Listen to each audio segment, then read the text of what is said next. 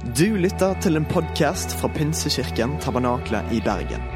Vi tror at kirken skal være en plass hvor mennesker trives gjennom alle livets faser. En kirke for hele livet. Ønsker du å bli bedre kjent med oss eller holde deg oppdatert? Besøk vår Facebook-side eller ptb.no. Her er ukens tale. Vi har vært i en vandring gjennom påskefortellingen sammen som kirke. Og prøvd også å gjøre det på annerledes måte enn det man kanskje gjør til vanlig. Eh, og Det skal dere få være med på i dag òg. Og vi følger teksten i Johannes evangeliet. Det skjer så mye denne oppstandelsesdagen at man ser en del forskjeller i de forskjellige fire evangeliene, de fire første bøkene i Det nye testamentet.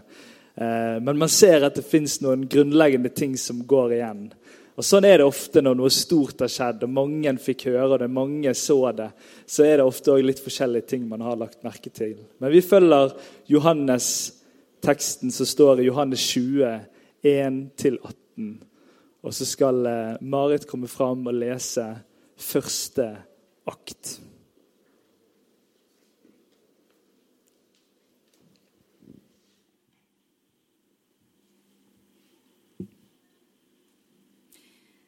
Jeg hadde ikke fått mye søvn de to siste nettene. Bildet av Jesus var spikret på netthinnen min, og det ville ikke slippe taket.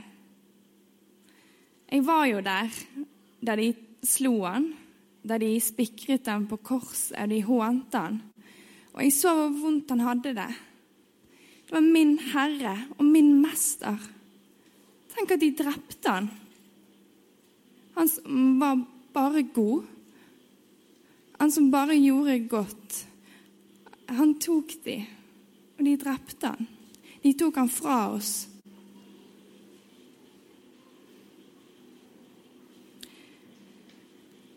Alt som jeg hadde ledd for de siste årene, det var plutselig borte. Jesus, Guds sønn, Messias, han var borte. Og jeg, han som skulle være vår konge, han som skulle gjennom, gjenerobre landet vårt, han var borte. Jeg dro tidlig mens det ennå var mørkt. Jeg hadde ikke lyst til å treffe noen, og jeg var redd for å treffe noen. Jesus hadde snudd verden opp ned, og det skapte reaksjoner. Og Kommer de til å gjøre noe med oss òg? Kommer de til å ta meg? Til og med Jesus hadde jo sagt at vanskelige tider skulle følge, og at det kom til å bli forfølgelse. Det var mørkt både inni meg og utenfor meg når jeg gikk mot graven. Er det virkelig slutt? Er alt slutt? Er det ferdig? Jesus hadde vært så annerledes enn alle de andre mennene han, han så meg, og han tok meg på alvor.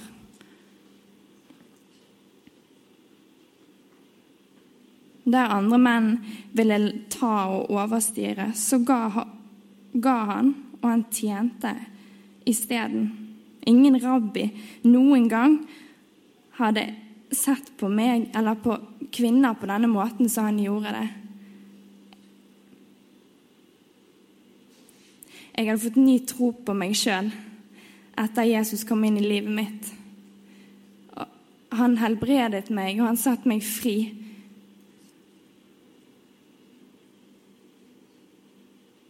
Han rensket meg for ondskap og verden for ondskap der han gikk.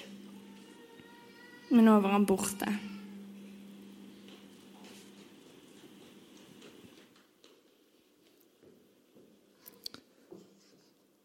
Hvorfor gikk Maria Magdalena til graven? Husket hun ordene som Jesus hadde sagt om at den tredje dag skulle det skje noe? Nei, det virka ikke sånn. Hun dro til graven fordi det var det man skulle gjøre. Når noen var død, skulle man pleie den døde de første dagene. Og hun tok den jobben. Det var skikken Det var tradisjonen på den tiden.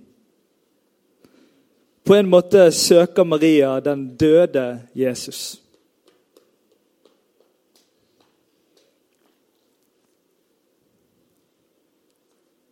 Jesus som hadde betydd så mye for henne, men som var død. Hun følger tradisjonen uten å forvente noe.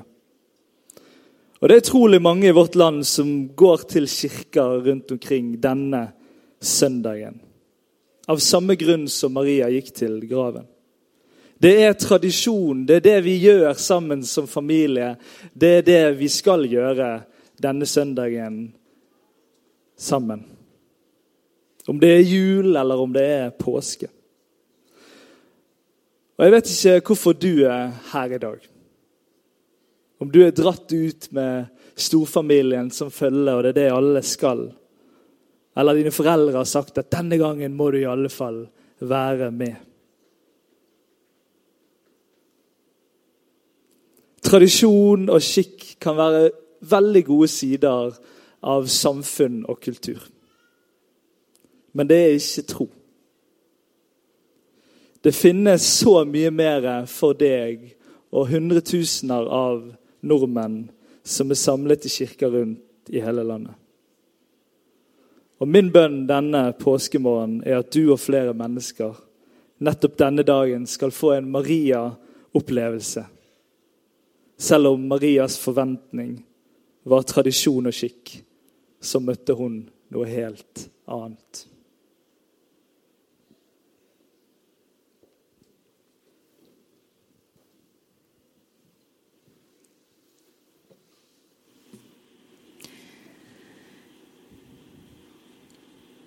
Det som skjedde når jeg kom til graven, det hadde ikke jeg forberedt meg på. Jeg gikk der og med, med, salven, balsamen, og så kom jeg på at jeg ikke hadde tenkt på hvordan jeg skulle få stein bort fra graven. Eh, men når jeg kom der, så var han allerede borte. Og det første jeg tenkte på, var at noen har tatt han. Først hadde de gjort dette mot han. Og så har de tatt den. og de løp så fort jeg kunne, eh, bare for å fortelle det til noen. Jeg traff Peter og Johannes, eh, og de løp eh, for å se. Selvfølgelig var det Johannes som var raskest. Han var alltid raskest. Han kom dit, og jeg løp etter. Og når jeg kom dit, så sto Peter og Johannes der. Eh, og de så rare ut. Jeg hadde sett dette blikket før, men jeg klarte ikke å plassere det i denne settingen. Um, og det ble for mye for meg, egentlig. Alle følelsene de siste dagene. Alt bare kom til meg samtidig. Og jeg kunne ikke annet enn å gråte. Og jeg gråt. Og jeg hylte der jeg sto.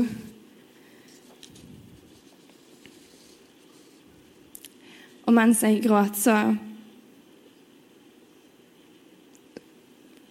skimtet jeg et lys inne i, i graven.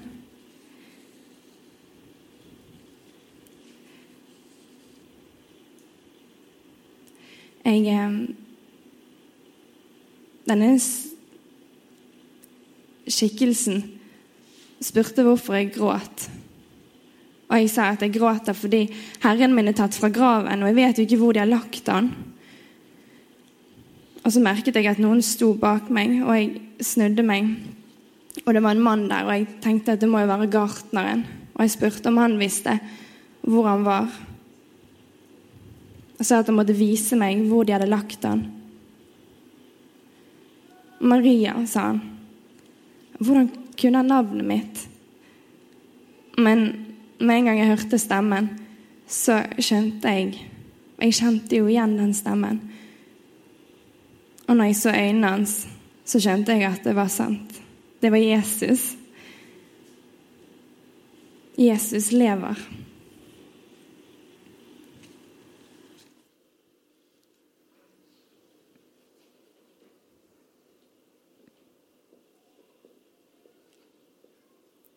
Hvorfor skjønner ikke Maria at det er Jesus med en gang? Og hvorfor henvender Jesus seg til Maria først som kvinne? Vi vet ikke om det var Marias tårevåte øyne som gjorde at hun ikke kjente han igjen. Det kan jo være. Vi kjenner jo alle følelsen av å se gjennom øyne som er fullt av tårer. Ting blir uklart. Jeg tror det er så mange mennesker som ser etter Jesus med et uklart blikk. De får ikke øye på han eller kjenner han ikke igjen. De prøver den menneskelige veien av å finne Gud. Leite i forskjellige religioner, kirker og vitenskap. Men er det egentlig sånn at mennesker finner Gud, eller er det motsatt? Når Jesus sier Marias navn, ser hun klart og tydelig. For Gud er sånn, Jesus er sånn, at han tar alltid det første steget. Johannes skriver i sitt første brev, kapittel 4 og vers 10, så sier han dette. Ja, dette er kjærligheten. Ikke at vi har elsket Gud, men at Han har elsket oss og sendt sin sønn til soning for våre syndere. Og Videre i vers 19 så sier han vi elsker fordi han elsket oss først. Gud han tar alltid det første steget. Vår plass er å respondere på det. Jesus sier navnet til Maria.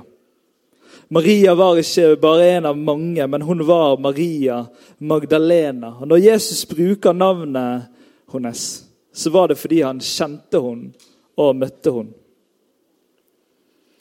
Og I det som er et flott og sterkt fokus i den kristne tro, nemlig fellesskapet, at vi tror sammen som et fellesskap, så kan vi noen ganger miste den personlige Jesus som møter akkurat deg som vil møte akkurat deg. Ikke hele din familie eller hele dette fellesskapet, men akkurat deg. Deg som individ. Jesus han er ikke som en pappa, eller Gud er ikke som en pappa som har veldig mange unger og må fordele sin kjærlighet eller sin oppmerksomhet på alle sammen. Når man er samlet som dette, eller når man er samlet med familien med fokus på Gud. Men han er en Gud, ikke et menneske. Han er ikke begrenset av disse delene og kan møte hver enkelt av oss med uendelig kjærlighet. Ut ifra bibelfortellingen så virker det som at Maria hadde lyst til å klemme Jesus. Hun hadde lyst til å uttrykke sin glede og omfavne han, og så er, sier Jesus på en klar og tydelig måte det kan du ikke. Den siden av Jesus, den fysiske Jesus som man kunne ta og føle på, var ikke lenger. Dette er en del av den kristne tro som frustrerer mange. Hvorfor viser han seg ikke bare så vi kan se med øynene våre, fysiske øyne, eller kjenne med hendene våre, eller høre med våre fysiske øre? Hvorfor gjør han det ikke enklere for mennesker å oppdage han? Det er en av troens mysterier.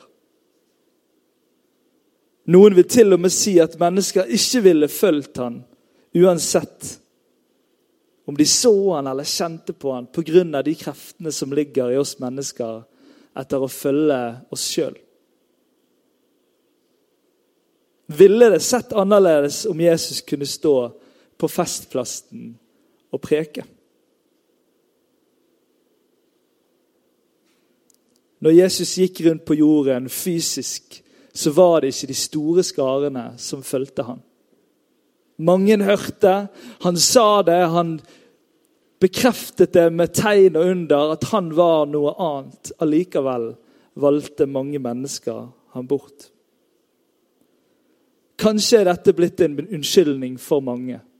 Dette med at han ikke kan se han eller høre han, for å slippe å ta det valget om man skal følge seg sjøl eller følge han.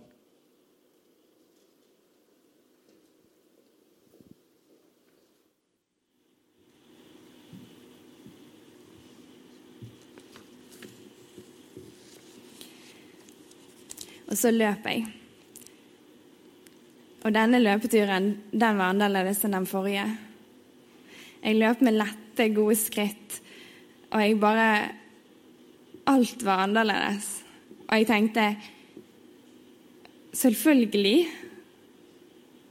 Jesus sa jo det. Han sa jo at han skulle stå opp igjen. Men hvordan kunne jeg ikke tro på det og ikke tenke på at han har stått opp. Selvfølgelig har han stått opp. Det er jo Jesus.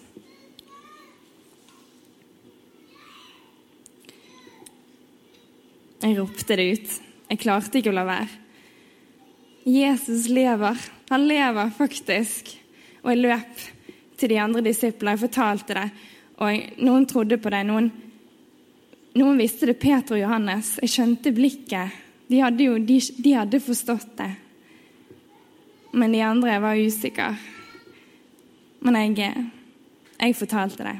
Jeg ropte det. At Jesus, han lever.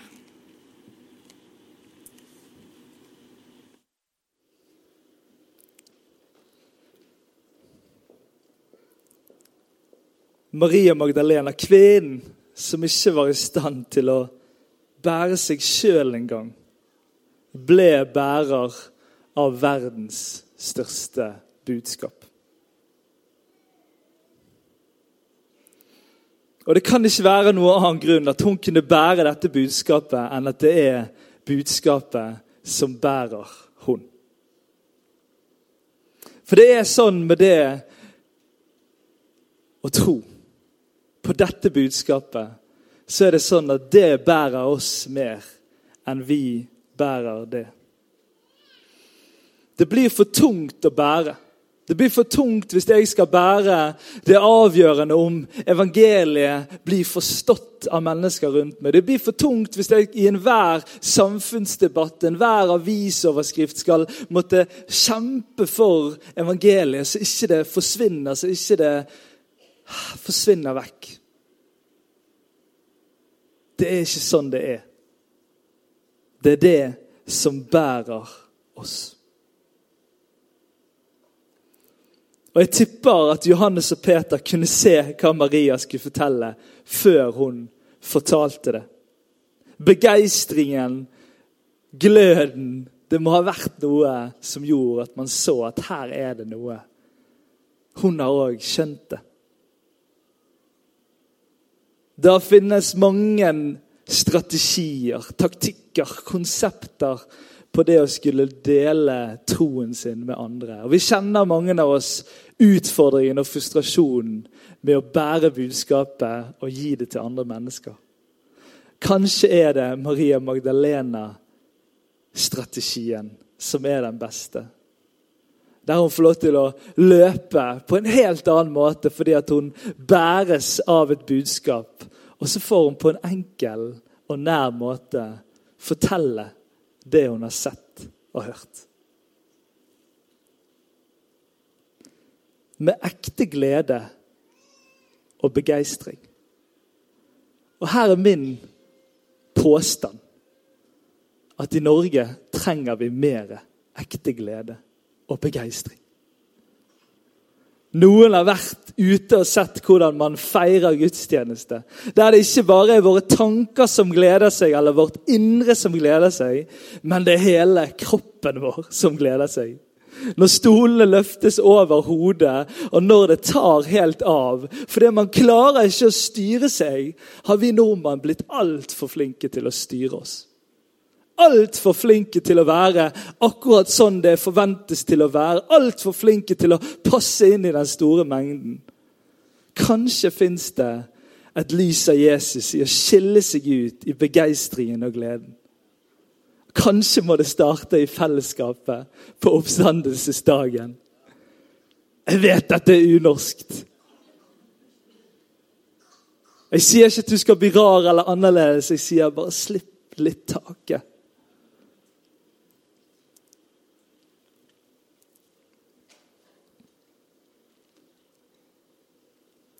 Jesus snur, snur opp ned på dagen til Maria Magdalena og hele hennes liv. Det er typisk Jesus. Ting som man trodde skulle bare være sånn, i den rekkefølgen, blir snudd helt om. Og han viser det i livet til Maria denne dagen. Sorgen over Jesu død byttes ut med gleden over at han lever. Håpløsheten for framtiden byttes ut med trygghet og håp. Men vi ser òg noen tydelige tegn på Jesus sin snuoperasjon i praksis denne dagen. For det er sånn at i fortellingen så blir Maria, kvinnen Maria, den aller første til å møte den oppstandende Jesus og fortelle, forkynne, om du vil, evangeliet, budskapet om Jesus. En kvinne.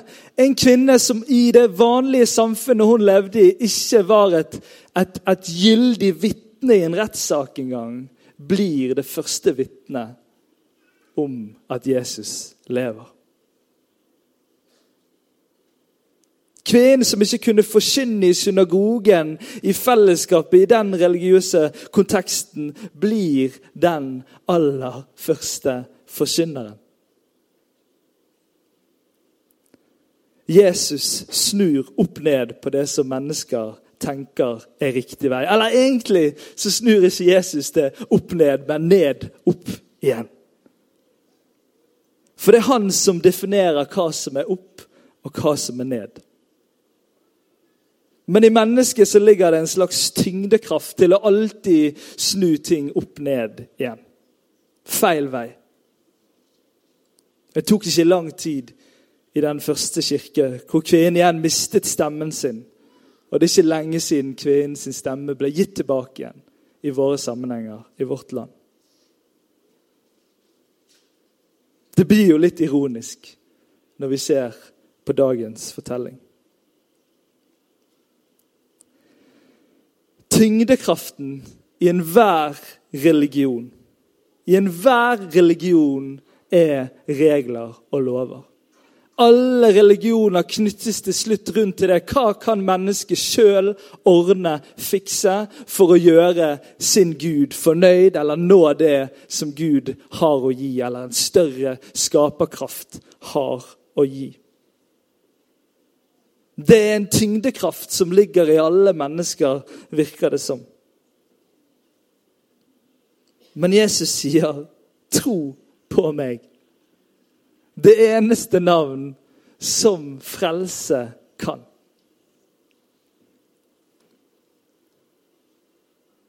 Vi tror så ofte at vi kan fikse kristenlivet nok til å fortjene Guds kjærlighet og frelse.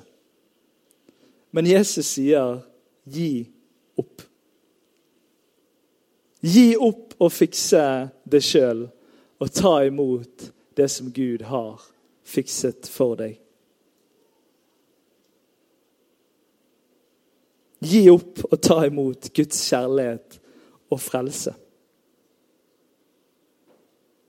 Hvilke ting har mennesker i dag igjen snudd opp ned? Hvilke ting i vårt samfunn, hvilke ting i, i den delen av verden vi lever eller i vår verden, har mennesker igjen snudd opp ned? er vi den klare, kjærlige stemmen som sier, forteller, hva som er riktig vei. Og hvilke ting har blitt snudd opp ned i ditt liv? Hvilke ting har plutselig fått en annen plass enn det det skulle ha? Hvilke ting som var sånn som det skulle være i starten, har beveget seg til å bli den andre veien i ditt liv? Oppstandelsesdagen er dagen for å snu ting ned opp. Det er typisk Jesus.